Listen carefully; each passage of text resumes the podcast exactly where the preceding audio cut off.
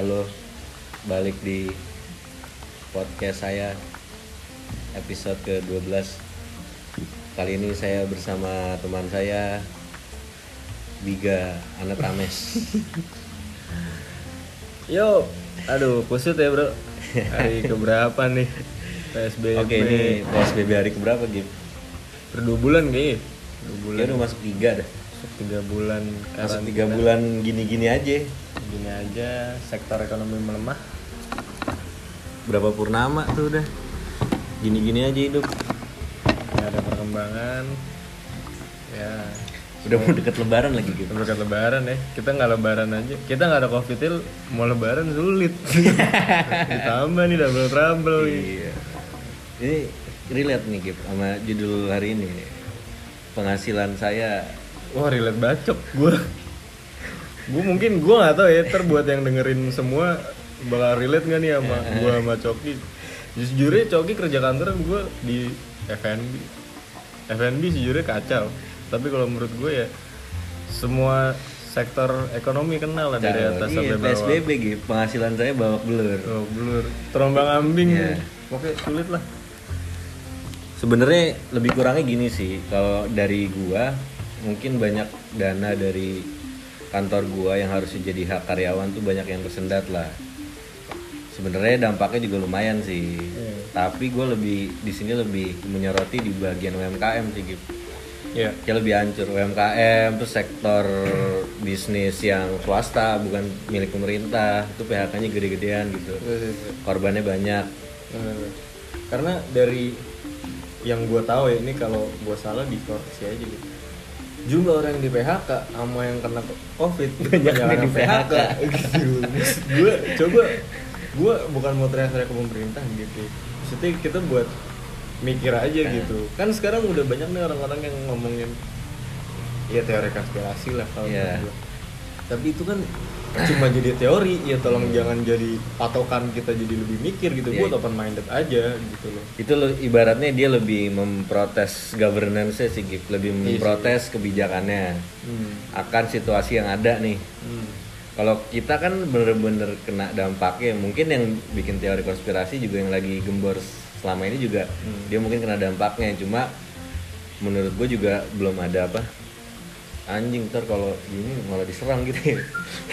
Enggak tapi menurut gue emang ya sekarang enaknya aja gimana ya? Iya, enggak, lagi, namanya- lagi, lagi begini. namanya teori kan ya lu bebas gitu juga Iya. itu hipotesa lo gitu terserah lo Iya. tapi kalau gue mau dengerin bisa gue kemarin orang yang ngikutin jaring loh kalau menurut gue enggak Iya, di, iya. gua- di satu sisi kita sama-sama dengerin musik gitu. Ah. ya kita tahu lah jaring itu siapa gitu Iya, orang yang iya. menurut gue bener-bener wah seruntulan gitu ya dari Ah. semua apa pun pasti diributin sama dia tapi kalau menurut gue banyak benernya juga emang banyak dia. benernya cuma di sini gue memposisikan ya udahlah dia ngebahas itu kita mikirin hidup kita aja dulu sendiri nih Hmm. Gip Nah, maksudnya gue tipikal orang yang kalau gue di rumah-rumah aja gitu ya, terus nggak ngobrol Nah. sama orang tuh gue stuck juga cok. Hmm. Jadi at least gue harus ngobrol.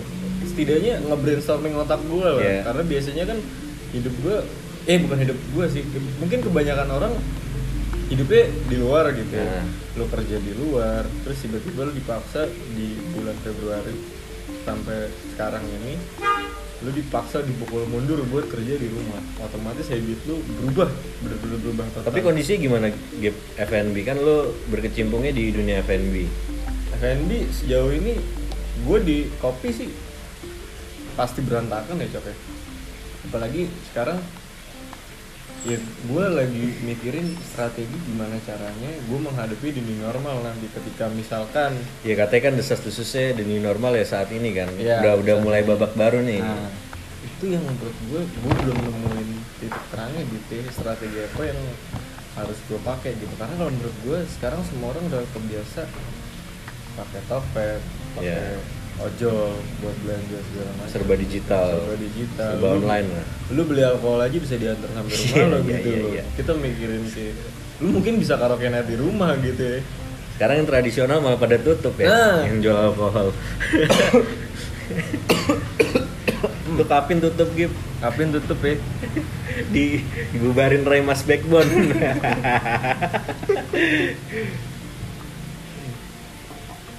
ya pokoknya kalau menurut gue semua kenal lah. Gue ngobrol sama teman-teman gue F&B yang di luar kota di Jogja di Bali teman gue yang kerja di hotel pun ya sebenarnya Wah di hotel lebih gila lagi tuh pasti gue pasti lebih gila. Yang nginep siapa ya? Gak ada itu pasti. Ya mungkin yang open BO masih ada mereka juga butuh kayak Apartemen open BO biasanya. mereka juga butuh kayak tapi setahu gue gue nggak tahu ya gue lupa ya.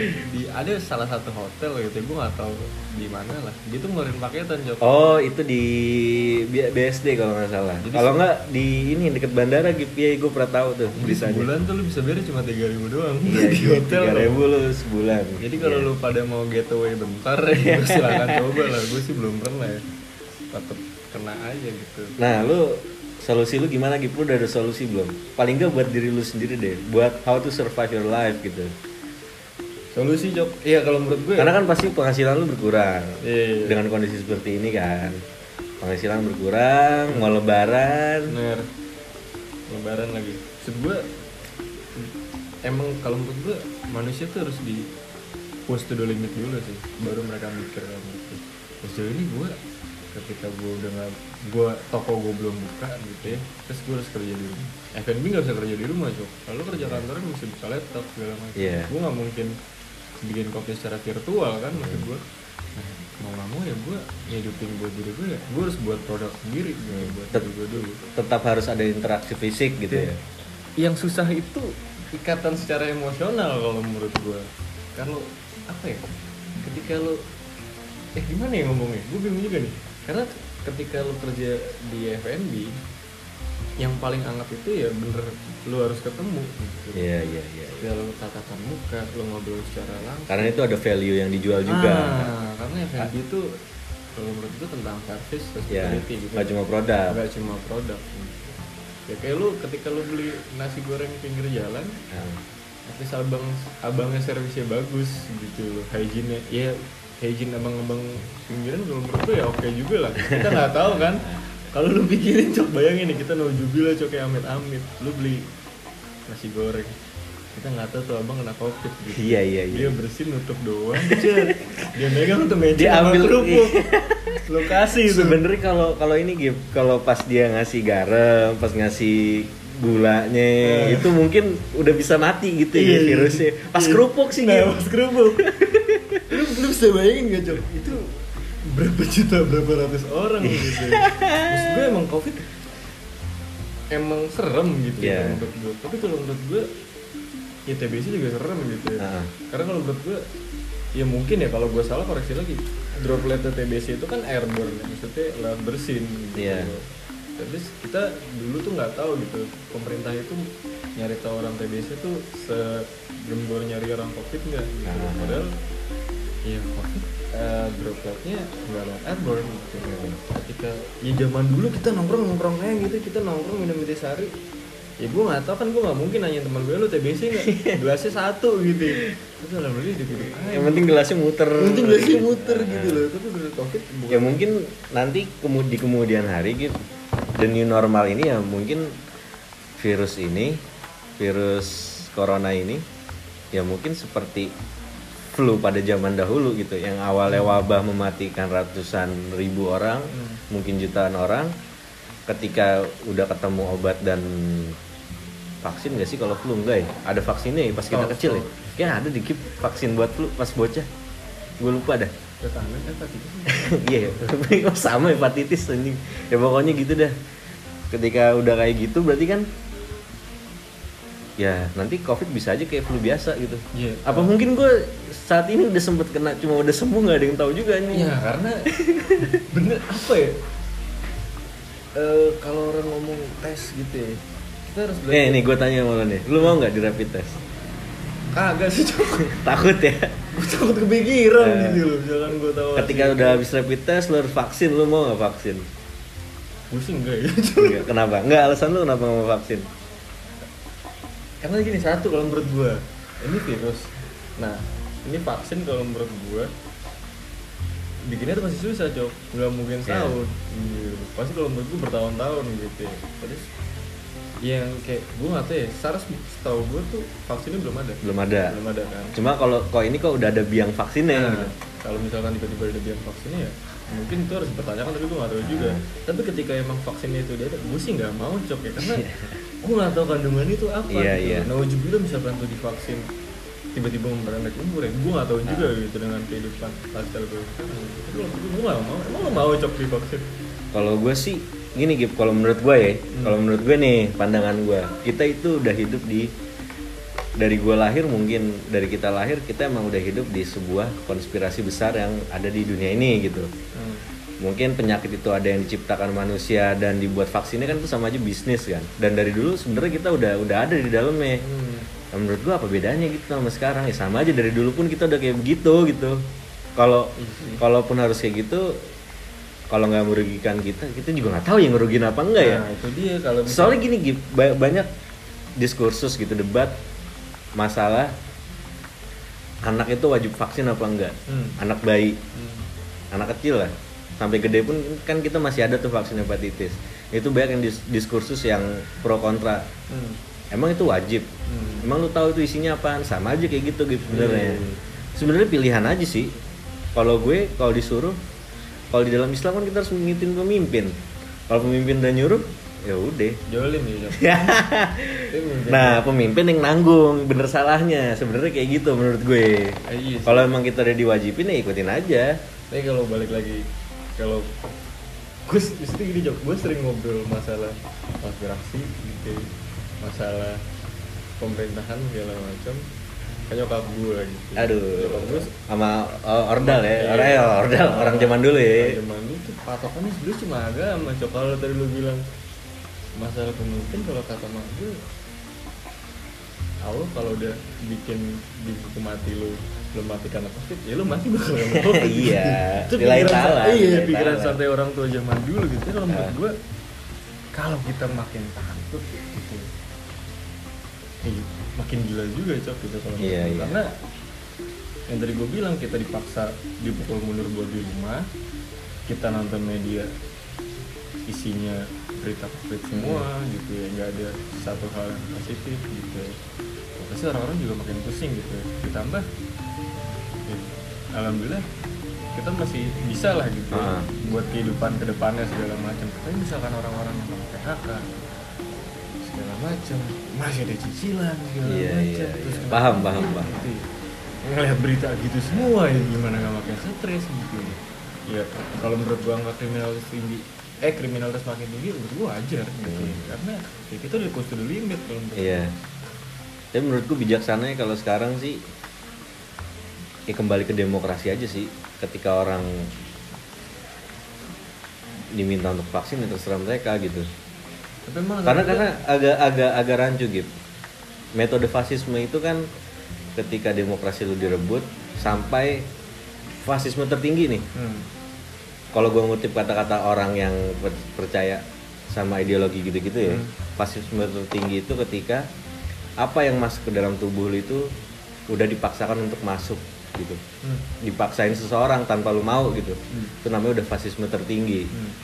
Menurut gue ya kalau uh, dalam kondisi seperti ini lu dipaksa buat vaksin, ya itu apa bedanya gitu? iya sih Harusnya demokrasi aja kalau emang nggak mau ya udah, kalau mau ya ya udah gitu, ya sih?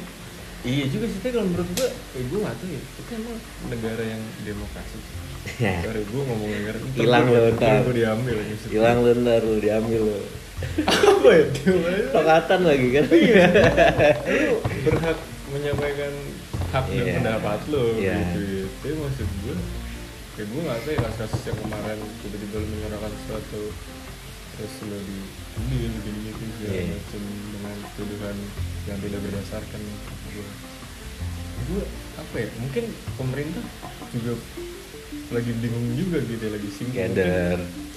Gue mending mungkin tahu apa yang sebenarnya cuma ya Iya. ditutupin aja Mending ini gue amanin dulu deh daripada Ah. negara gue makin kacau Iya. gitu ya, takutnya kenapa-napa terus pemerintah jadi kerjanya nggak bisa bener gitu kan menurut. Jadi kalau kita- kalau lu baca artikel Cok, dari bulan Januari semua artikel lah semua news media-media yang ada dari Januari sampai sekarang itu pemerintah ngomongnya emang iya kalau gue bilang labil nggak mungkin labil gitu. Tapi menurut gue mereka juga bingung gitu. Mereka juga manusia biasa gitu kan. Iya. Mereka juga punya keluarga. Mereka pasti juga mikirin sistem keluarga di mana segala macam gitu. Ya kita saatnya nggak bisa nyalain pemerintah sih kalau menurut gue gue kalau mau nyalain pemerintah gue pasti bakal down gitu ya dengan FNB lagi begini gitu. Gue harus ngomong kayak wah gimana nih FNB gak bisa hidup? Padahal UMKM itu hampir 90% apa buat Indonesia Iya. gitu. Mana mana kok nggak ada yang mau nolongin gitu. Kalau gue cuma ngeblame pemerintah doang ya gue bakal mati gitu loh. Tapi ya mau nggak mau ya kita harus bangun lah gitu. Harus bikin saat sesuatu yang beda lah paling nggak paling nggak buat gimana caranya lu hidup ke depannya dengan normal yang baru itu doang sih itu yang lagi berbeda gue pikirin gitu ya mungkin kita nggak tahu ya ntar ke depannya nggak ada salaman gitu dengan normalnya kan kita nggak tahu biasanya Iya, kita iya, salaman iya. tosan segala macem. Cara pakai sikutnya kita nggak ngerti gitu. Udah nggak ada brokot ya? Iya udah ya mau gimana gitu. Udah emang rulesnya begini gitu loh. Ter setahu gue cok ada lagi yang baru tadi gue baca news. Di Wuhan? Enggak di Indonesia. Nanti per gue lupa ya Juli apa bulan depan gitu ketika lo keluar nggak pakai masker itu denda ya cok dua ratus ribu. Tuh kayak di negeri ya kayak di luar negeri ya? Iya. Jadi maksud gue apa ya? Ya emang di normalnya mungkin terus semua orang bakal pakai masker kali cok ntar kita nonton hardcore mungkin acara-acara HC gitu. Lu boleh ngumpul tapi Iya. Mungkin pakai masker dan segala macam gitu. Dari gue ngeliatnya sih dari sisi ketenaga kerjaan gitu kapan pulihnya gitu. Soalnya kan korbannya banyak banget gitu. Pasti di keluarga lu juga ada gitu. Even lu nya juga keluarga lu juga pasti ada lah. Saudara lu atau apa lu pasti ada yang kena dampak dan menantikan kapan ini normal kembali kapan ada pekerjaan yang bisa dia ambil gitu kan. Sekarang hancur gitu Sebenernya kalau bilang normal ini virus kalau menurut gue nggak akan bisa hilang gitu aja sih gitu. ya mungkin kayak film Venom boleh cok ya jadi Venom tuh virus gak sih kayak Iya, iya, iya. gitu Ah. segala macam gue ini virus nggak akan pernah bisa hilang kalau menurut iya dari, dari segi ketenaga kerjaan nih hmm. kapan gitu pulihnya itu yang gue penasaran kalau lu ngomong new normal berarti kan harus ada beberapa aspek yang dibenahi dulu dari awal gitu dibikin Hmm. skemanya. Berarti harus ada skema baru kan? Nah setahu gue Me- Menko ya Menteri Ekonomi. Salah. Iya. Iya menteri perekonomian. dia dia udah bikin skema ekonomi Indonesia gitu ya. Maksudnya dia udah bikin dengan dampak yang ada Eh, nih. iya dengan dampak yang ada kapan sekolah harus buka, kapan industri harus buka, Hmm. Kapan semuanya harus buka gitu, kapan mall harus buka gitu ya. Lu bayangin mall berapa banyak di Jakarta. Iya. Itu yang punya mall juga pasti pusing gitu. ya. malah bisa ntar di, di, new- di new normal mall udah nggak laku ganti jadi rumah sakit ya Iya rumah sakit semua. udah gue jadinya rumah sakit lah ya rumah kan sakit campur mall oke. Itu ya ya kita lihat lah di Dubai udah eh di Jakarta juga udah mau ya drive thru cinema ya. itu ngapain gitu Jadi lu nonton bioskop nih, Jok. Pakai libom, Jok. Di mana itu daerah mana Pertama tuh di luar, setelah tahu gue Dubai kalau nggak salah. ya. Tapi di Jakarta tuh baru mau ada, Jok. di luar negeri udah banyak Udah, pasti udah- Iya, nah di Jakarta tuh mau ada yang kayak gitu, Jok. oh iya, Jadi iya. lu nonton tinggal di mobil doang gitu. Lu bayangin nih kalau di normal udah nih Wah itu lu bisa mesum tuh di mobil Iya. sambil nonton film gitu. Ah, iya, orang iya, iya, orang betul, sini betul. kan nggak bisa dikasih salah dikit tapi ya, sumpah lu nggak pakai mobil lain nonton bioskop bisa asusila dikasih apalagi. dikasih premier susila ya? Iya apalagi lu di mobil tinggal nonton doang. Kaca lu gelap hancur lah kehidupan lu di dalam. Iya kan bener. belum ada ya aku kita nggak tahu coba dengan kaca lu. Ah gue gue sih mikirinnya bisa sambil garang. Eh, iya maksudnya di new normal pasti banyak positif negatif Iya. udah pasti lah kalau menurut gue tapi ini kalau gue pribadi sih nih sesuatu yang nggak pernah gue bayangkan sih asli. Sampai sampai gue di detik terakhir jadi di kantor gue itu gitu di detik-detik terakhir sebelum uh, korbannya bertambah banyak nih masih di angka 50-an lah. Eh se- korban satu dua tuh yang dari Depok tuh. Hmm. gue nggak kepikiran nih sampai sebanyak ini sebenarnya. Hmm. gue tuh masih masuk seperti biasa. Orang-orang kantor gue eh, teman-teman gue juga masih pada naik kereta dari Depok ke Jakarta gitu. Gua juga masih gue nggak kerja kebayang sampai iya. separah ini sih. Iya. ini parah anjing gue sampai tiga bulan ini. Gue Januari itu kalau bahas satu kode Bandung gue masih ke bar cok. Gua- masih gue juga. Bar tuh masih normal ya waktu itu. Gue masih kobam-kobam parera Ya, di bar. Terus kan pemerintah kita ngomong waktu itu yang boleh pakai masker yang orang sakit. Ya si dokter Terawang Iya. menteri kesehatan. Dengan santai dia ngomong kayak gitu. Ya. Mungkin solusi kalau menurut gue bikin supaya kita nggak panik gitu ya. mm. tapi tiba-tiba kita juga juga pakai masker sih. Gue mungkin ya blunder ya. Gue nggak ngerti juga sih gitu. Bahaya sih ya pasti ya lu jangan kaget lagi ke depannya bakal gimana gitu. Ini sekarang lu lebaran liburnya dipotong aja udah aneh anjing Iya. menurut gue buat apa ya banyak orang yang nggak bisa pulang kampung aja itu udah normal anjing Iya, Iya kan? bulan puasa yang menurut gue yang bener-bener beda ya coba Heeh. selama kita hidup ya. bener beda banget gitu ya. tapi mungkin positifnya adalah ketika lagi kayak gini nih waktu sama keluarga lu lebih banyak gak sih Iya. kan gitu loh maksud gue komunikasi secara kalau dengan orang rumah pasti lebih banyak gitu. Ah, tapi ya dari sektor sosial kita di luar ya emang hancur gitu berantakan gitu. Mau ke mana-mana pakai masker. Gue cok nyamperin gue pakai masker kayak orang bener gitu. Gue paling gondok pakai masker tapi kayak mau gimana tuh satu kewajiban gitu. Ya buat kalian-kalian ya apa ya? Jangan patah semangat lah kalau lo denger ini maksud Iya. gue ketika lo udah mulai deadlock gitu ya lo coba lakuin hal positif kalau menurut gue karena ketika- apa pun itu ya apa pun yang penting itu, positif. Yang penting positif. Karena ketika lo makin deadlock lo cuma ngebusuk aja gitu ya di rumah. Lo cuma rebah-rebahan tapi nggak produktif gitu. rebahan-rebahan gula. Iya, gula takutnya kan. Gula gue yang ngeri ini kena gula nih. Beli kopinya agib mulu. Ya Iya, gula. Rebahan-rebahan gula. Setidaknya lu rebahan. Gue kerjaan gue cuma kadang rebahan. Itu baca artikel. Ya Enggak gue baca satu dua ilmu lah yang harus gue dapat. Terus gue mulai belajar psikologi gitu. Iya. Tentang gimana gimana nya terus gue sebenarnya jarang gue udah nggak pernah nonton TV sih sebetulnya. Dan gue udah nggak pernah ngikutin media-media yang ada. Gitu. karena ketika gue makin tahu takutnya gue makin tergiring nih. Eh menteri ini ngomong ini. Gitu. Eh pemerintah ngomong ini. Iya. gitu tadinya gue udah mulai fokus sama satu tujuan gue tiba-tiba pemerintah ngomong gini takutnya gue goyang gitu. Ah. jadi mendingan gue kayak fokus aja lah sama satu hal Kayak, berarti ada sesuatu hal yang sebelumnya nggak pernah lu kerjain sekarang lu kerjain gitu. Ya kayak lu jadi jadi belajar masalah psikologi gitu. Kalau hidup gua kan cuma bangun gawe kelar gawe gue main sama anak gua. Kalau nggak main sama anak gua main Call of Duty. Eh, sama mungkin belajar masak kali juga kalau Karena mau nonton Netflix. Kamu nonton Netflix. Maksud gue Netflix juga Gue nonton yang masak-masak juga cok ada. Oh. Midnight- ini ya Midnight- cooking cooking with Iya, cannabis. Enggak.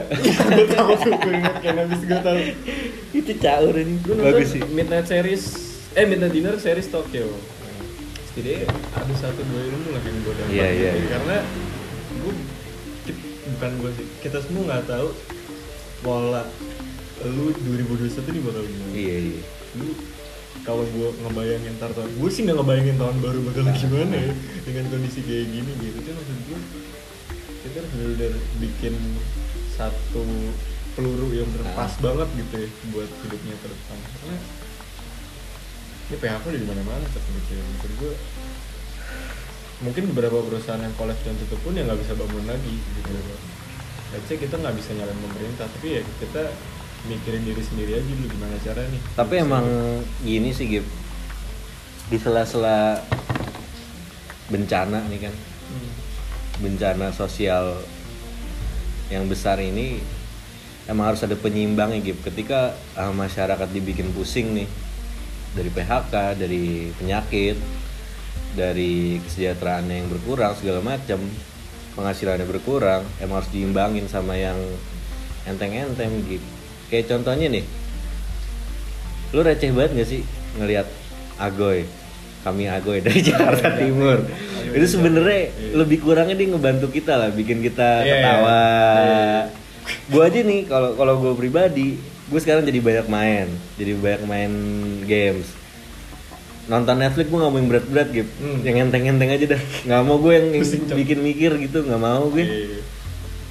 Jadinya kayak gitu. Jadi mungkin new normal jadi orangnya jadi slow slow bisa jadi. Jadi san- santuy-santuy. Mungkin- tawuran jadi nggak ada gitu Iya, alhamdulillah Bisa, iya sih. Gue juga seneng ya tawuran masih ada cok cok tapi yang gue seneng tawuran warga tawuran warga tapi maksud gue yang seneng adalah tahun ini nggak ada SOTR cok ya Gitu. alhamdulillah Gua- alhamdulillah jadi gue kayak udah nggak ada korban dari karena dari SOTR. dulu zaman gue sekolah ini namanya SOTR tuh lu pada nggak sahur pada bukan nggak sahur sih lu pada nggak puasa anjing emang sahur sih sahur Iya, puasanya lu, enggak Lu pada esensi tawuran aja sebenarnya gitu loh. Tapi maksud gue, gue seneng lah tahun ini. Ay anjing gak ada SOTR gitu. Hmm. Gue setidaknya lu eh, ngedeket sama keluarga lu waktu lebih banyak. iya tapi gue mikir lagi kalau di bidang fashion gimana ya Nah, gue aja gue aja pribadi nih kagak pikiran gue beli apaan baru gitu iya sih. itu nih. fashion harusnya anjir juga gak sih gitu Anjir gak sih Cok? Kayak lu gak mungkin ke ruang tamu lu beli Dr. Martin. Iya, So, Doc Mart lu asal lu tahu nih lu pada nih. Doc Mart kemarin official Doc Mart ya yang di Indonesia itu kalau nggak salah salesnya up to 70% untuk barang lama. Barang barunya up to 30%. Mungkin dia juga udah hancur juga gitu. Pasti anjir Cok. Se- Sellingnya kacau tuh. Ya karena apa ya? Pakai Bener- Doc Mart iya, di ruang tamu. sih. Fashion ya, lu nggak mungkin beli sepatu lu. Lu lebaran juga di rumah doang, lu nggak Iya. boleh ke mana-mana gitu kalau menurut. Tapi nggak tahu ya ke depannya mungkin feeling gua nih, ini feeling gua doang ya. Eh, abis lebaran sih mungkin bakal normal. Kalau menurut gua pribadi. Ya. Gitu. Karena kan kalau nggak salah Pak Anies tuh eh, ngebolehin lu cuma traveling ya Jabodetabek aja, lu nggak boleh ke mana-mana. Oh gitu ya? Boleh berarti ya? Setahu gua boleh ya, setahu gua nih yang gua kalau nggak salah sekelebet denger di media tuh gua nggak sengaja boleh katanya. Jadi ya mungkin ya orang-orang masih bakal silaturahmi sih ke Jabodetabek. Iya, Sil- Silaturahkor. Silaturahmi. Ini gua ngobrol sama Coki ngomong-ngomong rumah gua tetangga nih, jangan dikira gua malah Iya. main. Gua tetangga sama Coki jadi gua tinggal jalan kaki tenang aja. Jalan kaki. Gua mager. Dibilang wah ini yang yang ngobrol aja pada nggak jelas eh jangan gitu rumah gua deket soalnya Sistem percaya aja. Kelihatannya sih baik-baik aja kita game. Tapi gue kemarin sempat ada obrolan di rumah mertua gue. Nah. Ini apakah kita udah terjangkit sebenarnya cuma kita nggak sadar gitu. Karena kan kita gue pribadi dan keluarga gue sih sepengetahuan gue juga belum ada yang ikut rapid test gitu gitu. Keluarga lu udah ada yang ikut emang rapid Belum test? sih, Belum kan? Jadi nggak ada yang tahu gitu sebenarnya. Iya sih, tapi yang paling sering keluar kan emang ya pas sebelum kita di bener-bener di karantina wilayah sih, gue yang masih sering keluar gitu. Ini yang begajulan nih. Iya dari Januari tuh gue masih kerja, eh sampai Februari Februari tuh gue masih kerja gitu. Nah, Nah, setahu gue ya Tuhan tuh udah nyiptain badan lu tuh dengan sistem paling baik gitu Ah. untuk ngalang-ngalangin semuanya gitu. antibody yang Antibody kuat, yang imunnya Yang bagus. penting tuh kalau menurut gua mak lu jangan stres deh bener gitu. Karena ketika lu stres banyak pikiran lu ngedrop, nah lu tuh bakal turun. Iya, iya. Makanya sebisa mungkin ya lu positive vibes aja gitu. Hmm. Lu misalkan Iya lu nggak apa-apa lah gitu ya Lu main game gitu berjam-jam ya Yang penting lu ada kerjaan gitu Hmm. Daripada lu cuma tiduran Rebahan, gula. nonton TV terus denger yang negatif negatif Ah. terus atau lu nonton nonton teori konspirasi yang ada gitu ya terus jadi pikiran lu bercabang kalau lu terlalu percaya cok Sebenarnya teori konspirasi nggak apa-apa lu pahamin, cuma ya buat konsumsi pribadi lu aja. Kalau menurut gue sih, lu konsumsi pribadi sama lu boleh kalau lu emang nggak ngerti-ngerti amat, iya sama Iya lu sih. boleh ngobrol sama teman lu atau siapa gitu ya kalau menurut gua tapi itu nggak usah jadi satu hal yang didebatin gua. mm, ya itu karena cuma teori iya. Gitu. Kalaupun ada yang membuat hal itu diperdebatkan, ya biar urusan mereka aja ya gitu. Hmm. karena Kalau soalnya kalau gue lihat dari dari ininya Jering sama contohnya kayak Aiman deh. Hmm. Dia kan sekarang lagi berseteru sama Aiman sama Ahmad Dhani kan. Iya.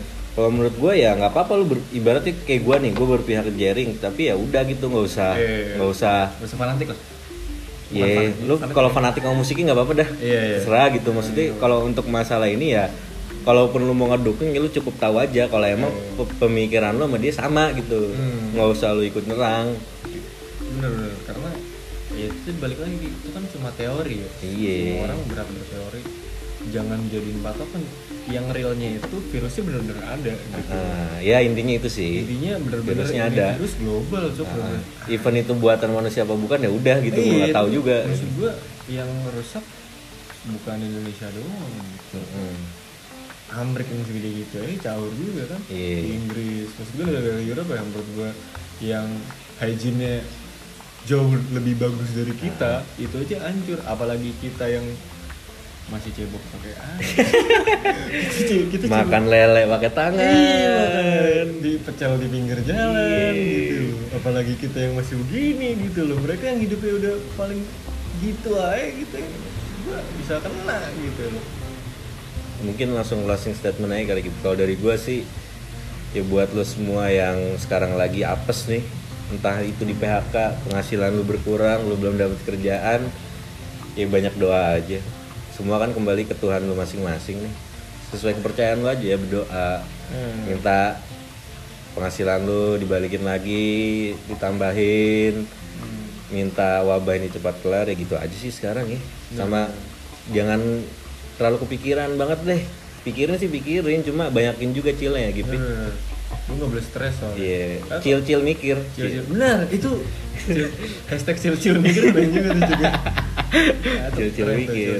Iya, Eh, bener. Dari lu gimana Gib? Dari lu Gib? dari gua yang penting lu bener sih maksudnya lu harus tetap positif gitu ya, dengan kondisi apa pun. PME, Ah, positif iya, mental attitude. maksud gua lu harus tenang di segala kondisi kalau menurut gua ini kan kita lagi dipaksa bener-bener lu dari hidup lu lurus banget tiba-tiba lu kayak bener-bener dipatahin gitu Iya.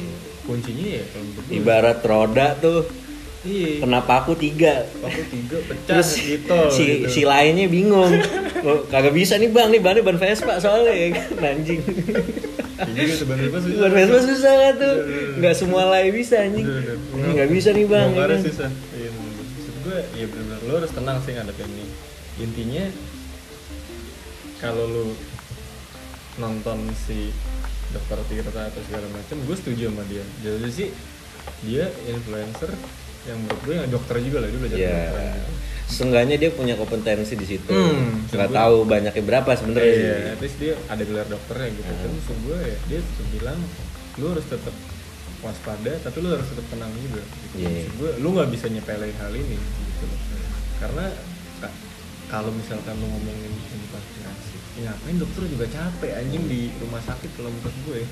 Karena korban yang makin banyak gitu loh. Karena kalau kita punya pikiran yang bodoh amat gitu ya, ya sorry ya, gue kadang keluar rumah itu ada kerjaan juga di luar gitu ya tapi kadang gue keluar rumah gitu ya gue juga bingung kenapa masih banyak orang-orang nongkrong di pinggir jalan gitu atau apalagi yang lagi hype ini kan kemarin masalah lu boleh traveling kan Hmm. surat dinas dan di Soekarno Hatta membundaknya Iya iya. gue Itu caur anjing. maksud gue kayak ayo ego lu turunin dikit gitu. Hmm. kalau emang kita mau kelar nih bener-bener kita harus sama-sama gitu loh semua juga mau jalan-jalan anjing gitu semua juga mau traveling juga semua mau nongkrong gitu itu maksud gue ya turunin ego lo dan lo tetap tenang setelah lagi lo berdoa sih dulu harus doa ya karena ini waktu yang paling tepat nih ketika lo banyak di rumah gitu ya.